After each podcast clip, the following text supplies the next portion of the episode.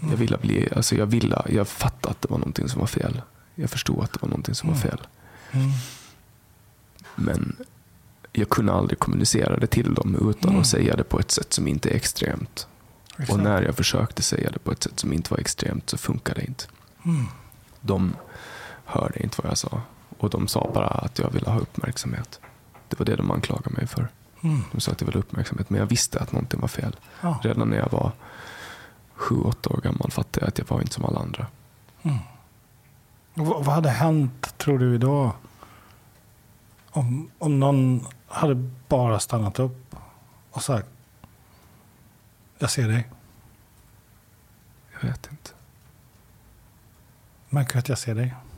Nu gör jag det. Hur känns det? Det är jobbigt att någon tittar liksom.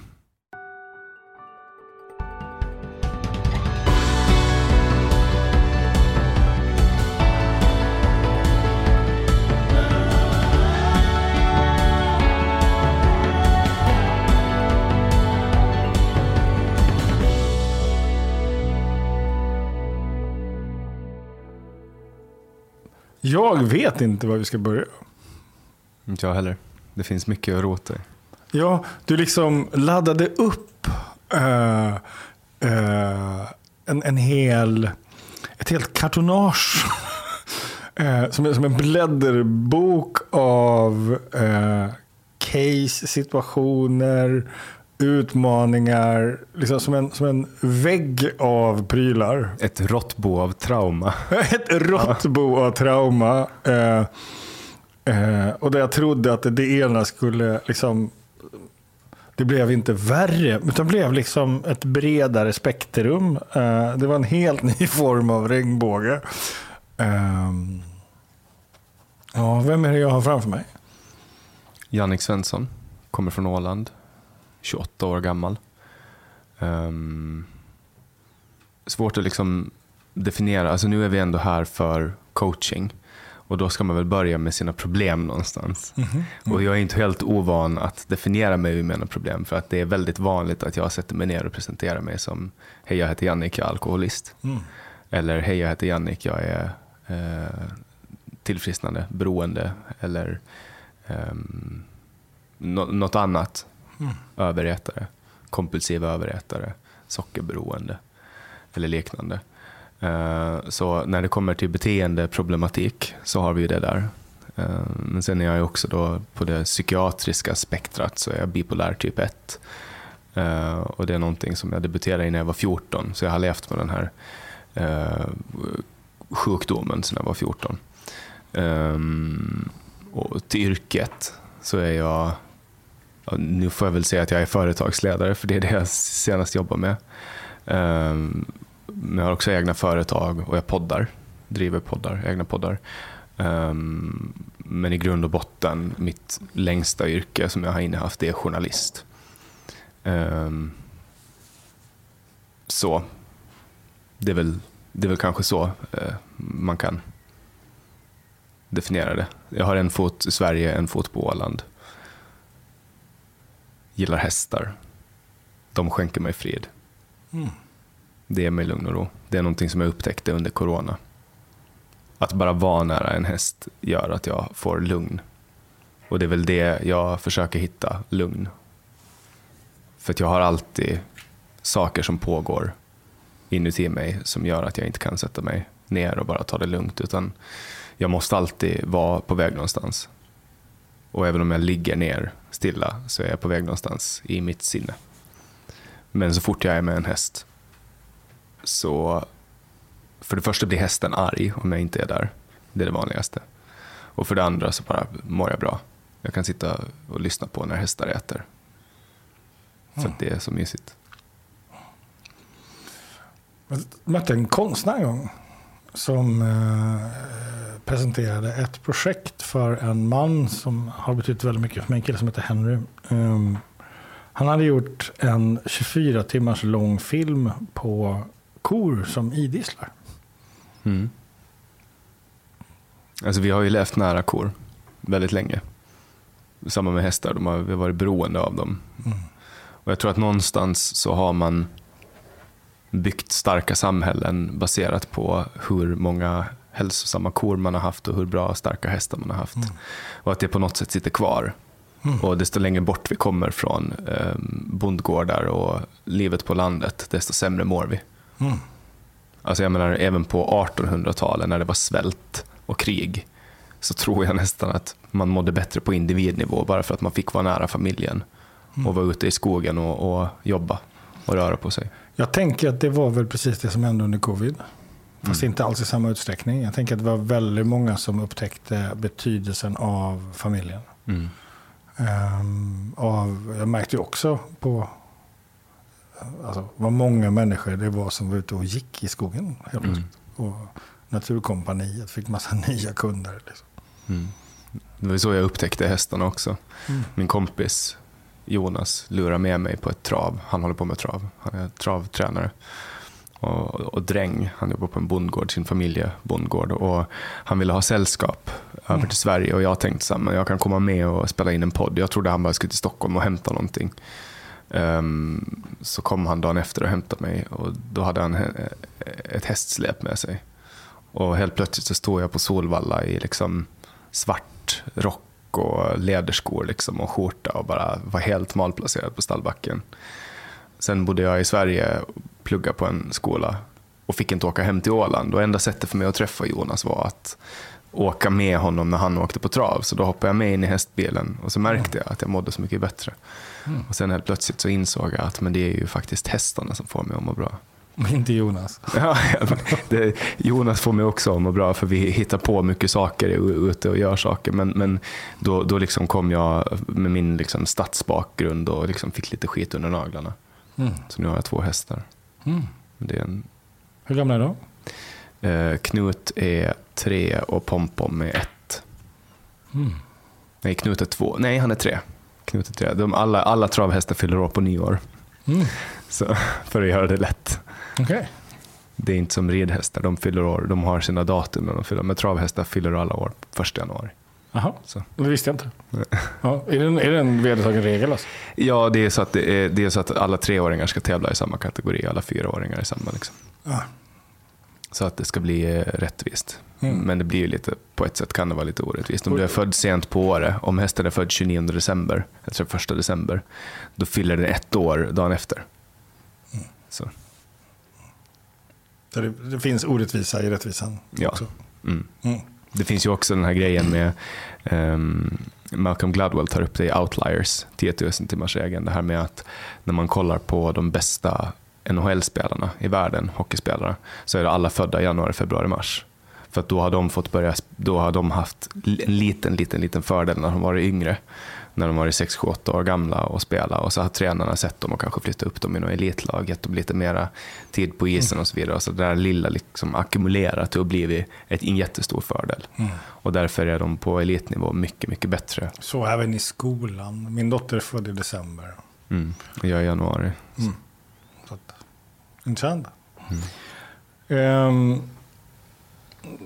så vad tänkte du när du blev tillfrågad att komma hit? Jag tänkte, vad är mina största problem just nu? Um, jag har ju alltid någonting jag kämpar med.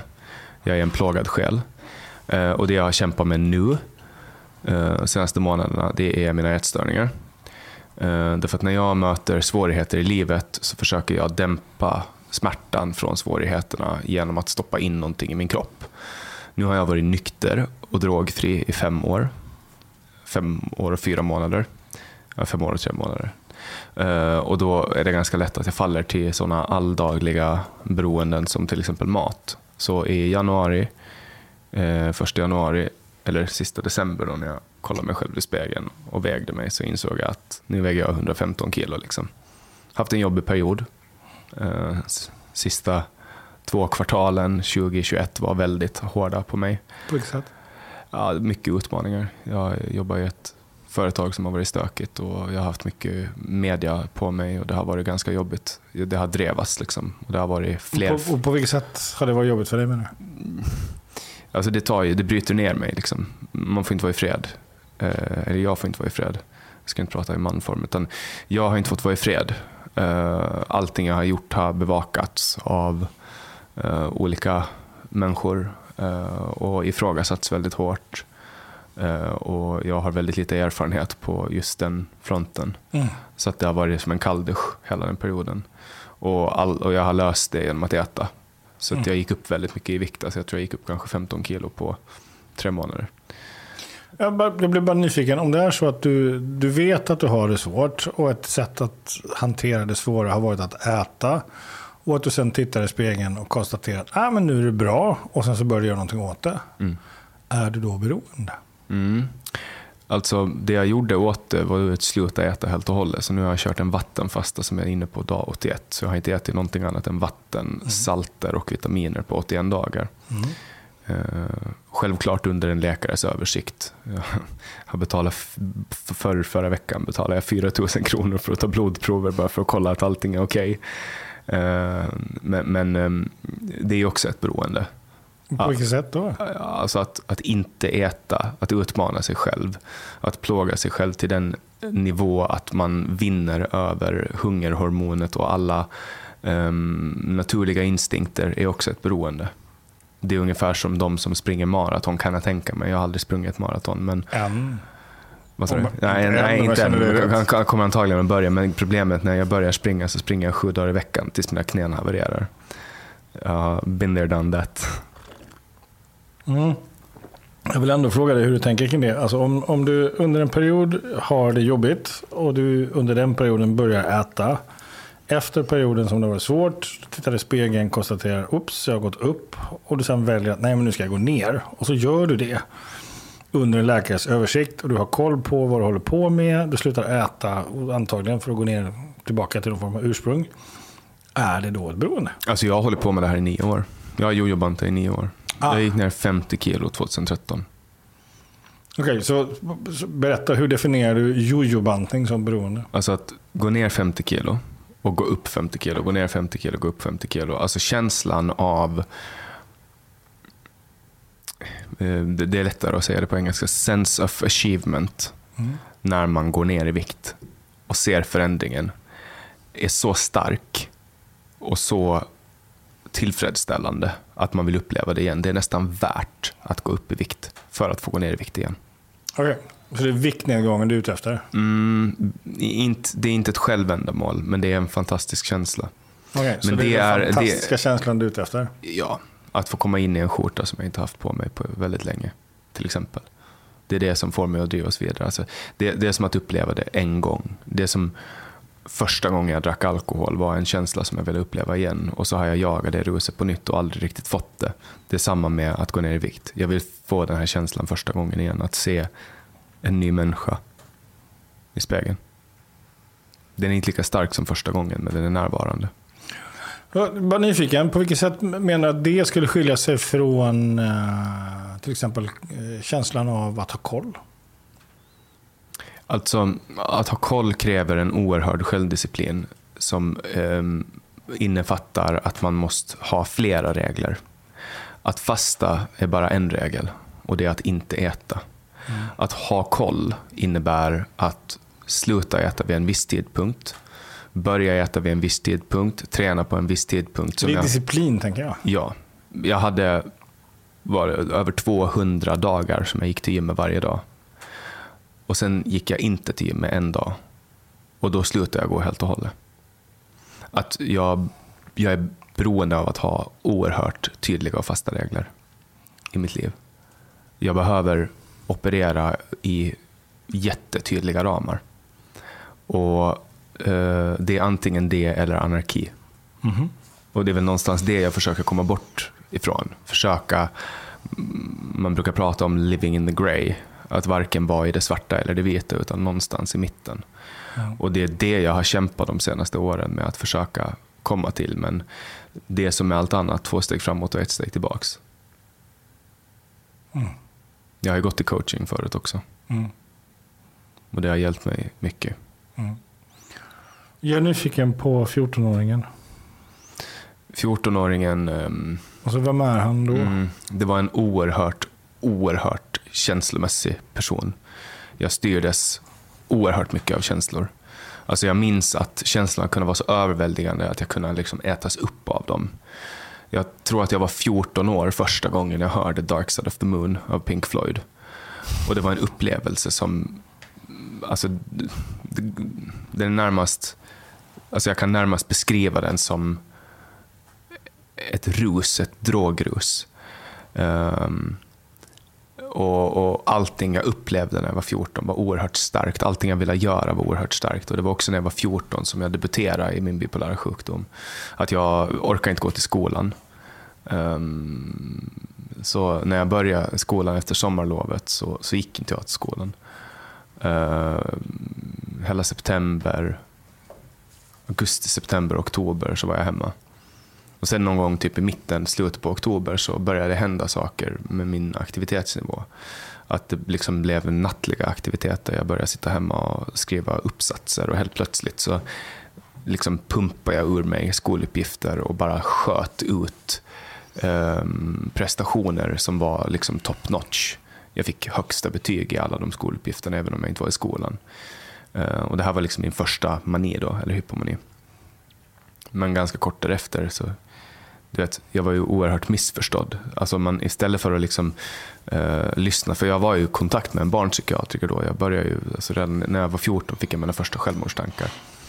Eller första konkreta självmordstankar. Jag hade alltid funderat på livet och döden. Vad skulle hända om jag dog? Och vad skulle människor säga om jag dog? Vad, hur skulle det kännas? Vad skulle hända? Och så vidare. Men när jag var 14 så ringde jag. Jag hade som fruktansvärd ångest en gång att jag ringde till, till jag ringde 112 och sa nu kommer jag att ta livet av mig och då kom de och hämtade mig och la in mig på sjukhuset. Och då kom jag i kontakt med en barnpsykiatriker. Du var 14 då? Då var jag 14. När du ringde 112 ja. och berättade att du skulle ta livet av dig? Mm. Mm. Och, då tog de, och då kom jag i kontakt med en barnpsykiatriker och hon sa att uh, den här killen är bipolär. Liksom. Hon gav mig till och med medicin för det. Lamotrigin. Um, men skolan var inne på att jag hade dålig moral. Så de gjorde ett socialärende av det, vilket sist och slutligen gjorde att när jag var 14 hamnade jag på ett, ett hem för folk med, med, med eh, alltså barn som hade det väldigt dåligt, som också drevs enligt Hassela, som är förbjudet. Eh, eller jag vet inte om det är förbjudet i lag, men det är åtminstone inte någonting man håller på med längre. Men där sysslade de med att bryta ner ungdomarna och, och sen bygga upp dem. Och man gjorde den här processen på mig men det enda som hände egentligen med att vara där, förutom att jag faktiskt alltså, blev missad, jag fick stryk av de här människorna som, som jobbade där, det var att jag fick jättemycket kontakter till folk som höll på med droger, till dåliga, alltså, dåligt sällskap. Så jag hamnade i dåligt sällskap ganska mm. snabbt. Och när jag var 15 år gammal, eller om jag var 14 kanske på hösten, så tog jag amfetamin första gången. Det var som 14 år, mm. gick i högstadiet liksom, i nian. Men tidigt? Ja, jag var 15 tror jag kanske jag var. Jag var i nian, 14 eller 15. Så, um, men det var ju då också på något sätt som jag kom hem. Du vet, för att så här, jag testade alkohol då och jag, test, och jag tog amfetamin. Och uh, det var lösningen. Där, där fick jag svaret på varför jag var som jag var. Att det var frånvaron av, av rusmedel och med de här rusmedlen så kunde jag fixa upp mitt liv och då ändrades min livsmission från att sitta hemma och tänka till att supa sönder min skalle i små bitar på helgerna. Mm. Och jag klarade mig fram tills det var kanske 18-19. Så funkade det. Mm. Men sen slutade det fungera. Men det var jag som 14-åring. Mm.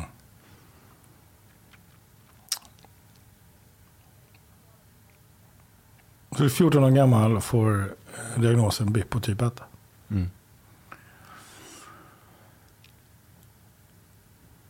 Tänker du om det då? Jag känner en oerhörd besvikelse inför människorna som är ansvariga. Därför att de misslyckades med att hjälpa mina föräldrar. De misslyckades med att hjälpa mig, eh, min familj. Ehm, en av de personerna som fattade det här beslutet har idag en jättestark ledande position i samhället. Ehm, hon har aldrig sagt förlåt. Jag känner en viss harm över det. Vad, vad betyder harm? Vad menar du med harm? Jag känner viss harm. Det är ett konstigt ord. Um, det är från engelskans harm. Yeah. Så jag känner, jag känner att jag är skadad. Och jag är inte klar med det ännu. Mm. jag känner en ilska över att de på det här hemmet aldrig har tagit ansvar för att de misskötte. De brydde sig bara om att få fakturera. De brydde sig inte om att ge mig hjälp på riktigt. Utan de ville bara hålla. Så fort barnen kom dit så ville de bara hålla barnen kvar så länge som möjligt. Istället för att se att det här är uppenbart att den här killen behöver psykiatriker. Så, så försökte man hitta på olika sätt att hålla kvar mig och andra. För att det är ganska bra dygnsfakturering på att ha ett behandlingshem. Du får fakturera ganska mycket per timme. Um, det är en intressant affärsmodell det där. Därför den, att det finns ingen mekanik i att skapa tillfrisknande. Precis. Uh, och sen också att, att de också satt ihop oss så nära. Uh, och lät oss umgås och gnugga oss mot varandra så att vi satt idéer i huvudet på varandra. Uh, jag menar, sakerna som jag upplevde och såg då, kontakterna som jag fick, grejerna vi gjorde. Alltså ingen 14-15-åring ska behöva vara där när det händer. Liksom. Mm. Vi gjorde jätte absurda saker. Mm. Och Vad har du för relation till eh, diagnosen BIPO idag? Um, jag vet att jag är ytterst ansvarig för att de som lider mest av bipolär sjukdom, det är de i patientens närhet. Så mina närstående lider mer än vad jag gör. Mm. Och därför är jag ansvarig för att se till att sköta min vårdplan. Och den här, ta fram den här vårdplanen har inte varit lätt. Alltså den har innefattat många vårddygn. Över 300 vårddygn har jag varit inlagd på en sluten psykiatrisk klinik. Mm. Um, testa jättemånga olika mediciner för att försöka hitta någonting som funkar. För den, för den som inte vet och förstår vad, vad eh, bipolär typ 1 är, vad, vad är det för något? Det är en um, sjukdom som innebär att man i perioder går in i manier. Uh, vilket innebär att man får jättemycket energi och kan få personlighetsförändringar också uh, i den här perioden då man är vaken väldigt länge, man är väldigt aktiv, man gör saker, man får dåligt omdöme. Eh, men i början blir man mest inspirerad och, och liksom glad och på bra humör och så vidare. Man kanske pratar mycket eh, och så. Eh, och sen följs det av perioder av depression där man inte gör någonting, där man kanske bara ligger hemma Tänker du, tänker du att den depressionen är en del av sjukdomen eller som en effekt av hypomanin? Jag tror, alltså det är väldigt komplext att säga att det är en sjukdom. Det är en sjukdom om man mm. kollar på vetenskapen. Men jag tror, jag tror att bipolär personlighetstyp, om vi kallar det så, är någonting som uh, har överlevt generna enligt Darwins teori eh, för att människor med de här generna har haft en betydande roll i utvecklingen av mänskligheten. Mm. Uh, och, och, därför så tror jag att i det här onaturliga samhället som vi har idag så blir det en sjukdom. Men om vi skulle leva ute på savannen så tror jag mer att det här skulle vara någonting som, som vi... Du, du beskriver någonting så som man brukar försöka beskriva ADHD. Det är samma gener om du kollar på genetiken så är eh, ADHD, bipolär sjukdom och sen då det man förut kallar för borderline, alltså emotionell instabil personlighetsstörning. Det ligger i samma genpool. Mm. Uh, och det kan egentligen ta vilken... Det kan slå ut hur som helst, vad jag förstår i alla fall. Jag har begränsad förståelse för för genetik, men det är åtminstone det jag har läst mig till. Ja, men jag, jag är inte utbildad. Så. Mm. Man ska vara försiktig med hur man uttalar sig. Men eh, vad jag förstår i alla fall så, så går de in i varandra ganska mycket. Mm. Och Det kan vara svårt att, att särskilja. Man kan vara feldiagnostiserad. Många år kan folk med bipolär sjukdom gå runt med en ADHD-diagnos och tvärtom. Mm. Och, och så vidare. Um, Ehm, så, min fråga. Ehm, ser du, tänker du att depressionen, alltså det, det mörkret man går in i efter en hypomani, att det är en del av, om vi kallar det för sjukdomen då, för tillfället. Eh, är det en del utav det eller är det en effekt av hypomanin? Jag tror att det är bara balans. Naturen strävar alltid efter balans. Du har... Du kan ta vad som helst som människan uppfinner. Mekanik till exempel. Har du en motorcykel och, och så optimerar den motorcykeln för att gå så snabbt som möjligt, då kommer den automatiskt att accelerera sämre. Och om du optimerar accelerationen så kommer topphastigheten att vara sämre.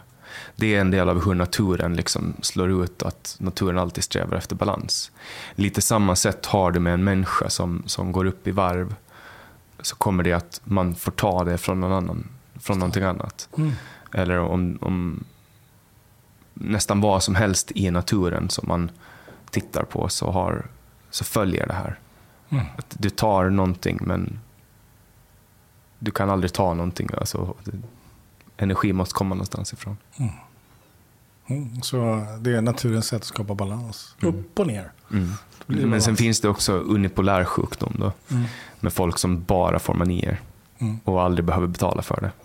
Eller folk som aldrig får manier, bara behöver betala för det. Får depressionen. Mm. Och depression är väldigt vanligt. Så du är 14 år när du får diagnosen. Jag, så, eh, jag tänker så här, vem är du när du är 13? Och fram till Det var ju då som, du vet, någon dag, en dag i ens liv var sista dagen man gick ut och lekte med sina kompisar. Du vet, man ringde sina kompisar och sa hej, vill du komma med ut och leka? Och någon dag var den sista som man åkte ut och lekte. Hur vet du det? Jag brukar inte ringa mina kompisar nu och fråga om de vill komma med ut och leka. Någon gång blev det okult att gå ut och leka och då var man ute och hängde istället. Och det var väl någonstans okej. där 11, 12, 13. Så att det var någonstans man fick upp ögonen för tjejer. Eh, det blev mer intressant än att ehm, det, det vi höll på med då, datorspel och, och sånt. Eh, Så att när jag var 13 så var jag en oerhört vilsen person.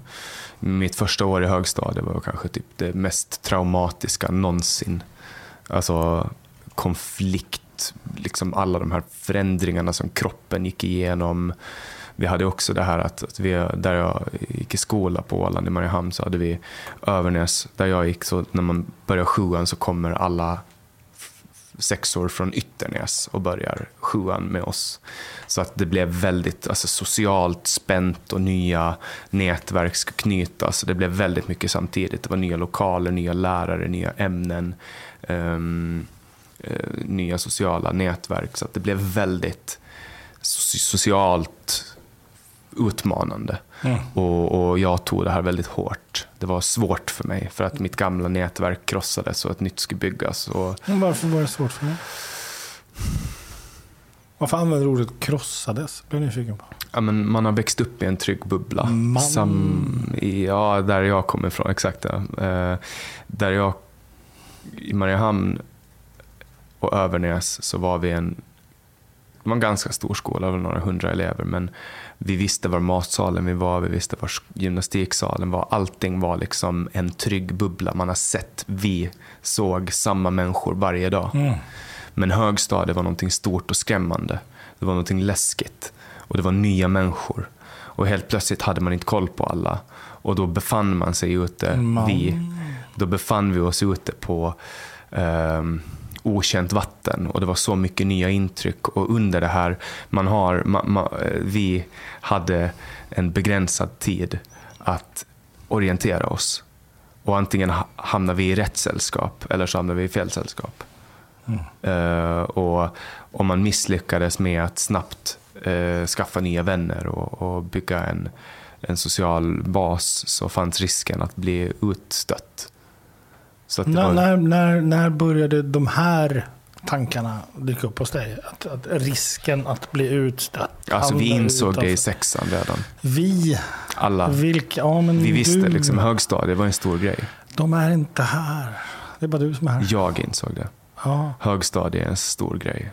högstadiestuga. Hur gammal är du där? 13? 13. Ja, du är 13. Så det är sjuan, eller hur? Ja. Och sen, var- får, sen får du diagnosen när du går i åttan, Uh, nian. nian. Ja, nian. det. Så 12-åringen här. 12-åringen Som var, börjar liksom innan han börjar högstadiet. 12-åringen var en väldigt eh, fragil och trots att jag hade mycket kompisar så var jag väldigt tänkte, övertänkte allt. Alltså jag kunde gå runt och tänka på saker i timmar.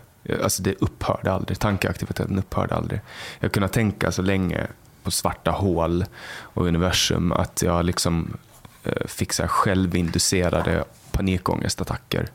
Jag tror jag var sju eller åtta år gammal när jag fick min första panikångest. Hur, hur, sju, åtta, hur visste du att det var panikångest? Fick? Jag visste inte vad panikångest var förrän, förrän jag kanske gick första året på gymnasiet. Okay, Före det hade jag ingen aning om och då, då när du går i gymnasiet och fattar ah, jag fick panikångest när jag var sju. Ja, det var då som, som, jag, som en, en psykolog förklarade för mig att det jag beskriver är panikångest. Mhm. Första gången jag fick en panikångestattack är fan det vidrigaste jag varit med om. Ja, men beskriv. Vad spännande.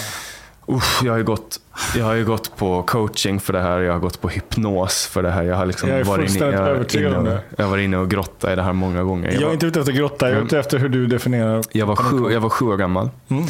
Jag hade varit i Sverige Mm. med min pappa för att min eh, farfar eh, bodde i Stockholm, Gamla stan. Han kommer härifrån och ehm, vi hade varit i Gamla stan och var på väg hem med Ålandsfärjan. Det var ett litet fartyg. Ålandsfärjan var jätteliten.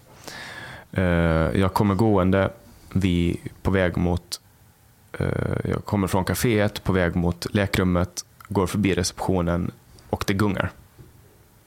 Och kontrollförlusten som jag kände i att det gungade i färjan eh, gjorde att jag, någonting hände. Så min puls gick upp jättemycket. Jag började svettades. Jag blev superrädd. Jag trodde att båten höll på att gå under. Eh, och det var det värsta jag har känt i hela mitt liv. Jag kunde inte andas, jag fick inte luft, det kändes som att jag skulle spy. Jag trodde liksom att nu är det över, nu dör jag. Nu dör jag.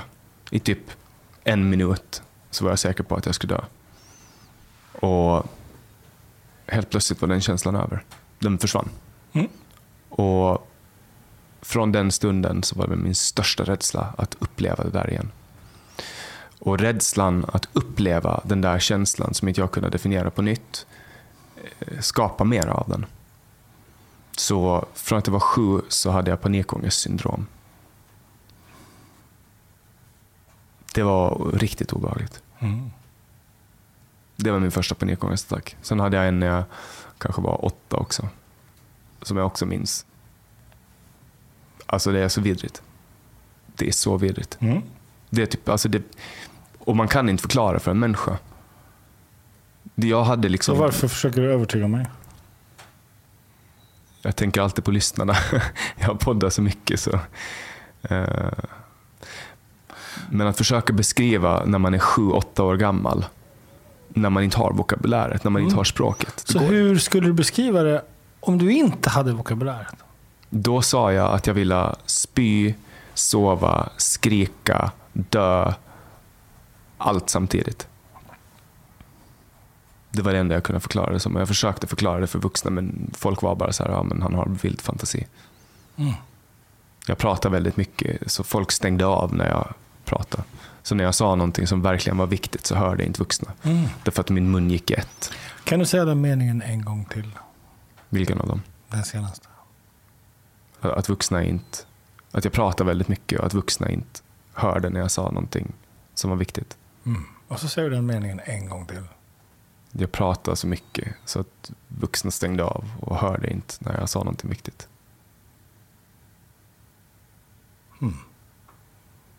Jag vet inte varför jag inbillar mig att den är viktig. Jag Jag skulle skriva ner den. gick flera gånger... Ja, kör. Så vad sa du? Jag pratade så mycket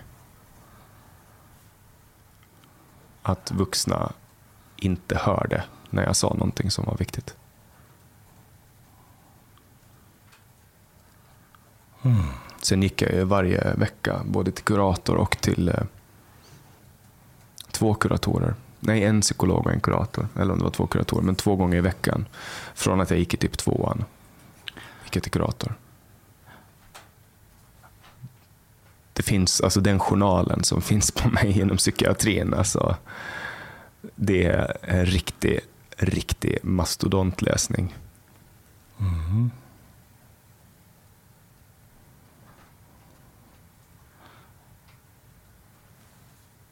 Jag pratade så mycket att de vuxna inte hörde när jag sa någonting som var viktigt.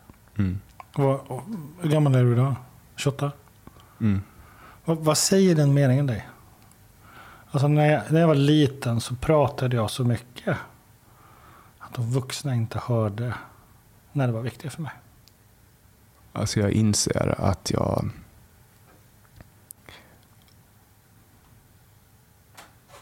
Jag inser att jag har liksom Det, var- det är inte mitt fel. Det var inte mitt fel liksom. Men Nej. om jag inte ska prata så mycket så kanske de ska kunna ha hjälpt mig i tid. Jag sa redan när jag var sju år gammal att jag inte ville leva. Att jag ville dö. Jag kommer ihåg första gången jag kände vad, och vad hade hänt om någon hade hållit om dig då? Jag vet inte. Jag vet inte. Jag, jag var ju alltid hos... Jag ville ju alltid liksom ha någon som kunde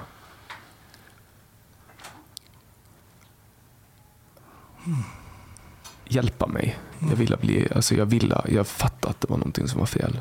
Jag förstod att det var någonting som var fel. Mm. Men jag kunde aldrig kommunicera det till dem utan Mm. att säga det på ett sätt som inte är extremt.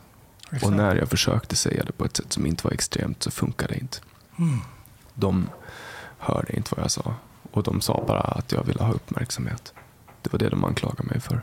Mm. De sa att jag ville ha uppmärksamhet. Men jag visste att någonting var fel. Ja. Redan när jag var sju, åtta år gammal fattade jag att jag var inte som alla andra.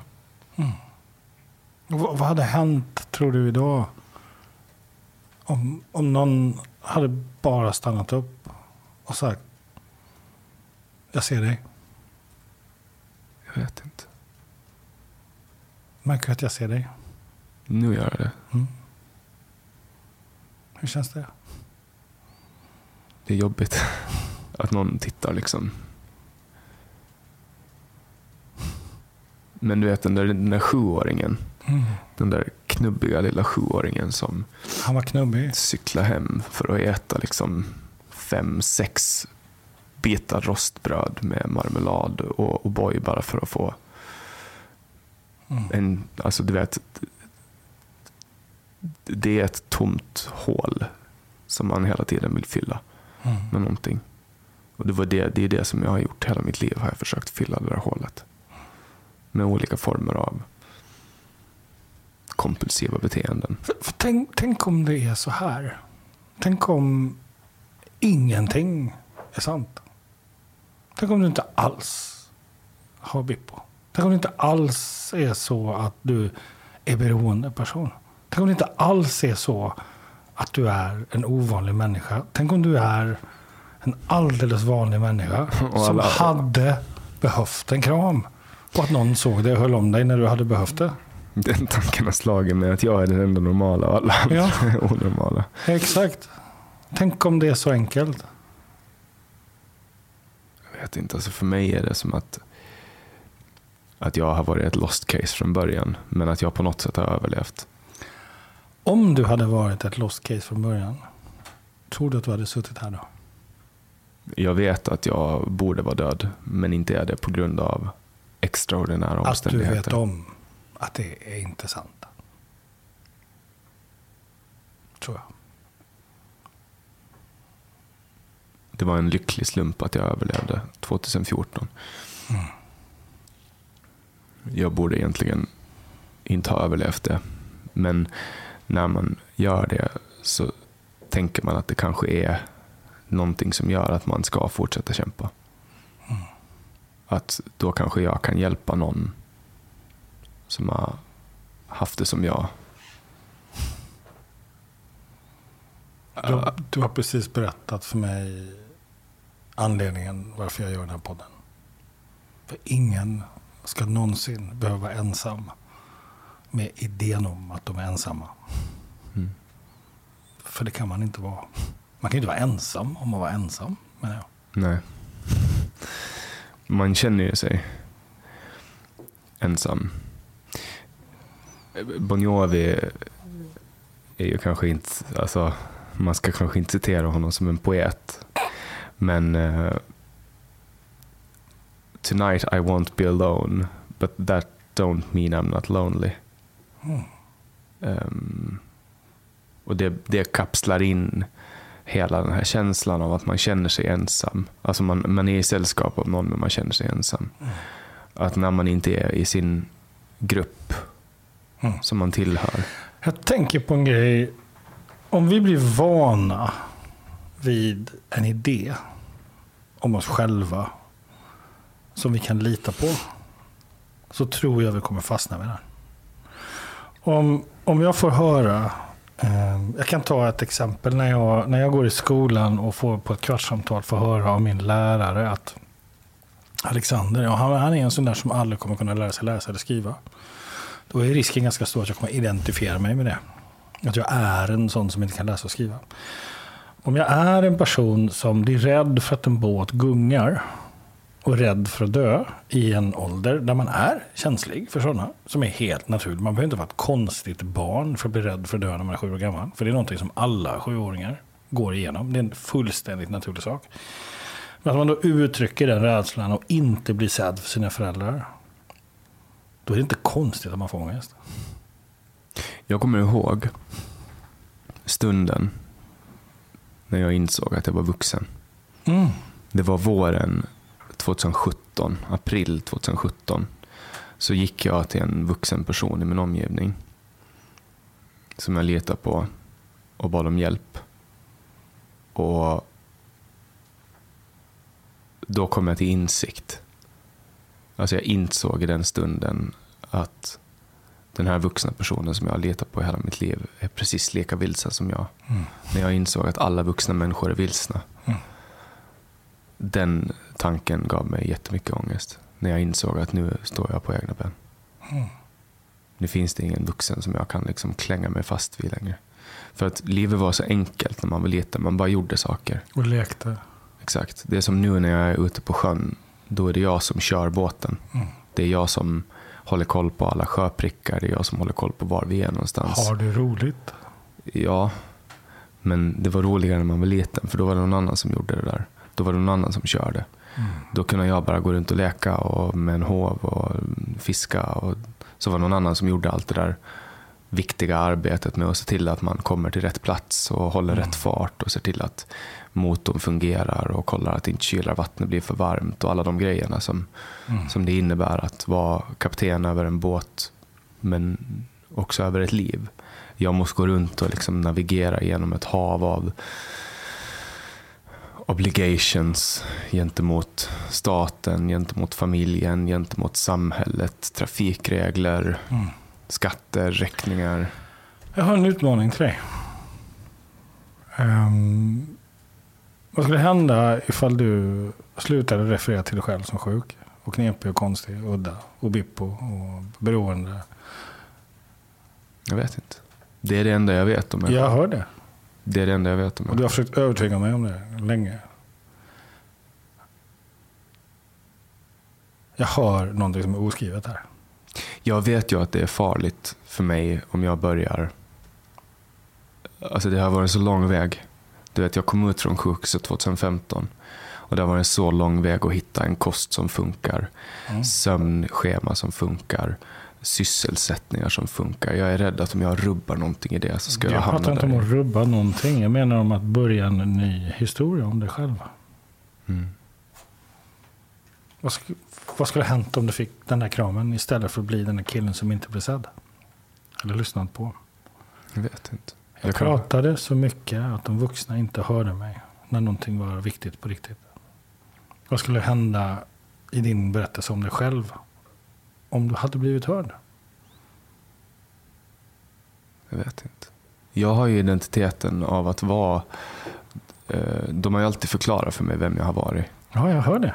Jag har alltid varit... Jag fick Så vad alltid, skulle hända om du definierade det? K- Kanske jag skulle börja fullfölja det jag vill göra. Jag stoppar, jag hindrar alltid mig själv från att uppnå det jag vill uppnå. Jag stoppar alltid mig själv före jag ska uppnå någonting. Jag saboterar för mig själv. Ja, och framförallt försöker du övertyga dig själv om att det är fel på dig. Mm. Genom att hålla på med det du håller på med. Mm. För då vet du vem du är. Mm. Jag, Den där som inte funkar som alla andra. jag har hört andra prata om det. Fear of success kallar de det för. Nej, jag pratar inte om det. Jag pratar om eh, att vi tror på det som vi får återkoppling på. Det, det är de andra när vi växer upp. Om någon annan lägger huvudet på sned och säger mår du dåligt? Så tror vi att vi är den som mår dåligt. När vi säger jag har svårt att läsa och skriva i skolan. Att jag är den där pojken eller flickan som sitter längst bak och kastar suddgummi. Det är ingen idé att jag går till skolan. Jag kanske är den där killen som redan har fattat vad som pågår i klassrummet. Jag är mer smart än lärarna. Och bara därför tröttnar jag och tappar energi på att gå till skolan överhuvudtaget. Jag har förstått mer. Men då blir jag den som är konstig. Och som till slut får en diagnos som är, ja men du är bippo. Då blir det en trygghet. Eh, du är en sån som inte kan må bra. Ja men då blir det en trygghet. Och då söker man automatiskt bekräftelse kontinuerligt för att stärka den bilden av den man tror man är. Och jag, jag tänker, vad skulle hända om du bestämde dig för att det är inte sant? De har sagt åt mig att jag måste ha mediciner. Mm. Och jag har strävat efter att hitta ett sätt att leva utan mediciner. Vilket är fantastiskt. Så nu har jag en kost och ehm, en livsstil som gör att jag inte behöver Mm. Det finns forskning i Finland som är jättespännande när det gäller BIPO, och vitamin eh, och magnesium och massa. Säkert det du har koll på. Ja. Och också medicinerna fick mig att må väldigt dåligt. Nu, nu, Mm. nu har ju de också räddat mitt liv under en period som jag behövde. Men, Märker du att du är tillbaka? mm, Du börjar prata och försöker övertyga mig om hur dåligt du har mått. Jag vill göra dig uppmärksam på en sak. Det är att du ler när du pratar om det. Du log där ute när du berättade om självmord. mm. Det är för att jag vet vad jag har var jag har varit och var jag är nu. Mm. Det är så långt borta. Det är så långt borta. Det är en seger. Ah. Alltså, det är ett slag som jag har... Det är skillnad att säga jag lever idag. Kontra att säga jag höll på att ta livet av mig. Ja. Det är två olika personer som säger det. Men när jag tänker tillbaks på det så inser jag liksom att det där är någonting som jag har tagit mig igenom att det är över nu. Mm. Mm. Därför är jag... Och idag kan jag prata om det. Du vet, det fanns en period som jag inte ville prata om det och det fanns en period som jag var inne i det som jag inte förstod vad det innebar. Mm. Det är först nu när mina kompisar börjar dö som jag fattar vad jag ska ha gjort mot omgivningen om jag ska lyckas. Mm. Och bara vad jag utsatt min familj för. Det krävdes att jag behövde se det Mm. hos andra för att förstå vad jag har utsatt andra för. För att man förstår inte, man, jag förstod inte då Mm. vad jag gjorde mot min omgivning. Om du skulle skriva ett nytt kapitel från och med nu. Om du skulle skriva om din historia. Som ett projekt. Skulle du kunna anta utmaningen. Mm, absolut. Hur skulle du börja? Det var en gång.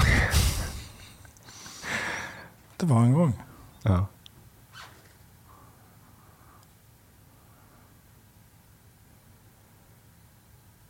Jag tror att det är en slump att du pratar om färjan, båten. Och sen vara att du är ute och åker båt.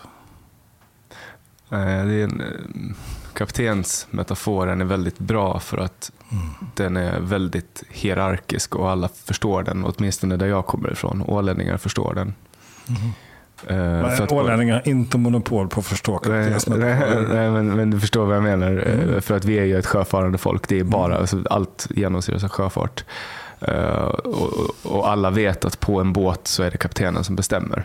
Mm. Alltså, vet, en kapten får ju till och med viga folk på en färja. Mm. Eh, och man gör Och som- begrava. och begrava. Och kaptenen gör som man säger. Att man gör som kaptenen säger.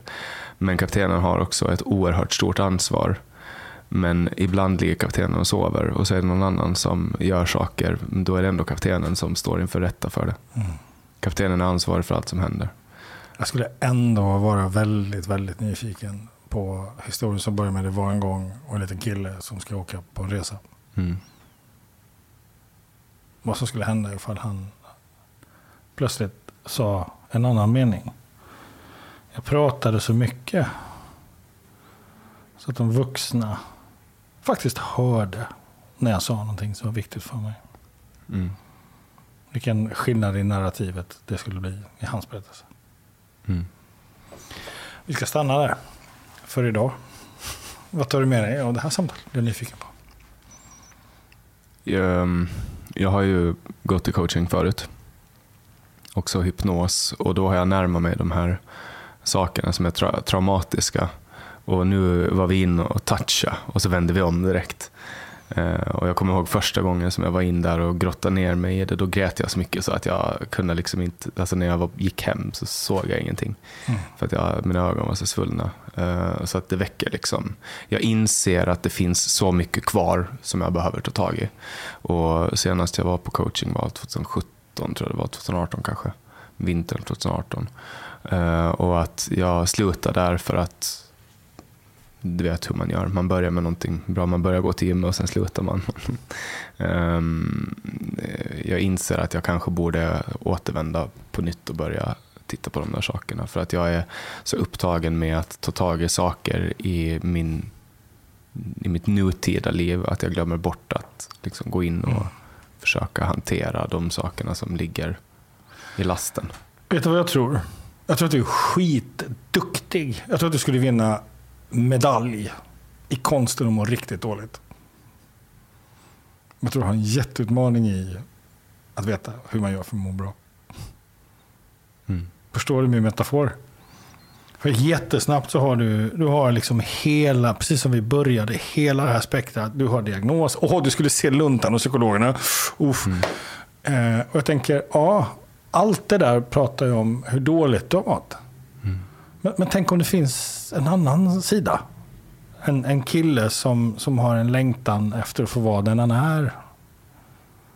Och, och den är väldigt kraftfull. Mm. Vad skulle hända om du börjar liksom granska den killen, leta efter den killen. Vad behöver den killen? I liksom möte med sig själv. Idag, när du har sådana, du har, alltså du har tagit igenom så enormt mycket grejer. Så att, wow, Jag tror inte du behöver vara rädd för att träffa honom. Mm. Sist och slutligen så handlar ju allting bara egentligen om att få de här små stunderna av, av inte må dåligt. Mm. Det är ungefär som Siddhartha Gautama när han insåg att allt är lidande. Liksom. Mm. Lite så är jag också pessimist och bara vill att allting ska vara bra och jag vill hitta dit utan alkohol utan droger. Men det är så mm. fucking svårt. Mm. Vad har du för känsla i kroppen idag, just nu? Ja, nu känner jag mig lite omtumlad. Det är som mm. att gå till kiropraktorn. Mm. Ja, jag är omtumlad nu. Så mm. det, kommer att ta, det kommer att ta ut sin rätt på mig. Jag kommer att sova bra ikväll. Mm sånt här är omtumlande. Det är omtumlande. Coaching är jobbigt alltså. För man, man, man blir liksom intvingad i vrår av sig själv som man mm. har hållit stängda länge. Mm. Utan att man ens märker det så har bara någon varit där och bara öppnat upp massa mm. dörrar som man försöker hålla stängda. Liksom. Mm. Sluta försöka hålla dem stängda. Mm. Jag är inte rädd. Jag är rädd för vad som finns där inne. Inte jag. Mm. Tro mig.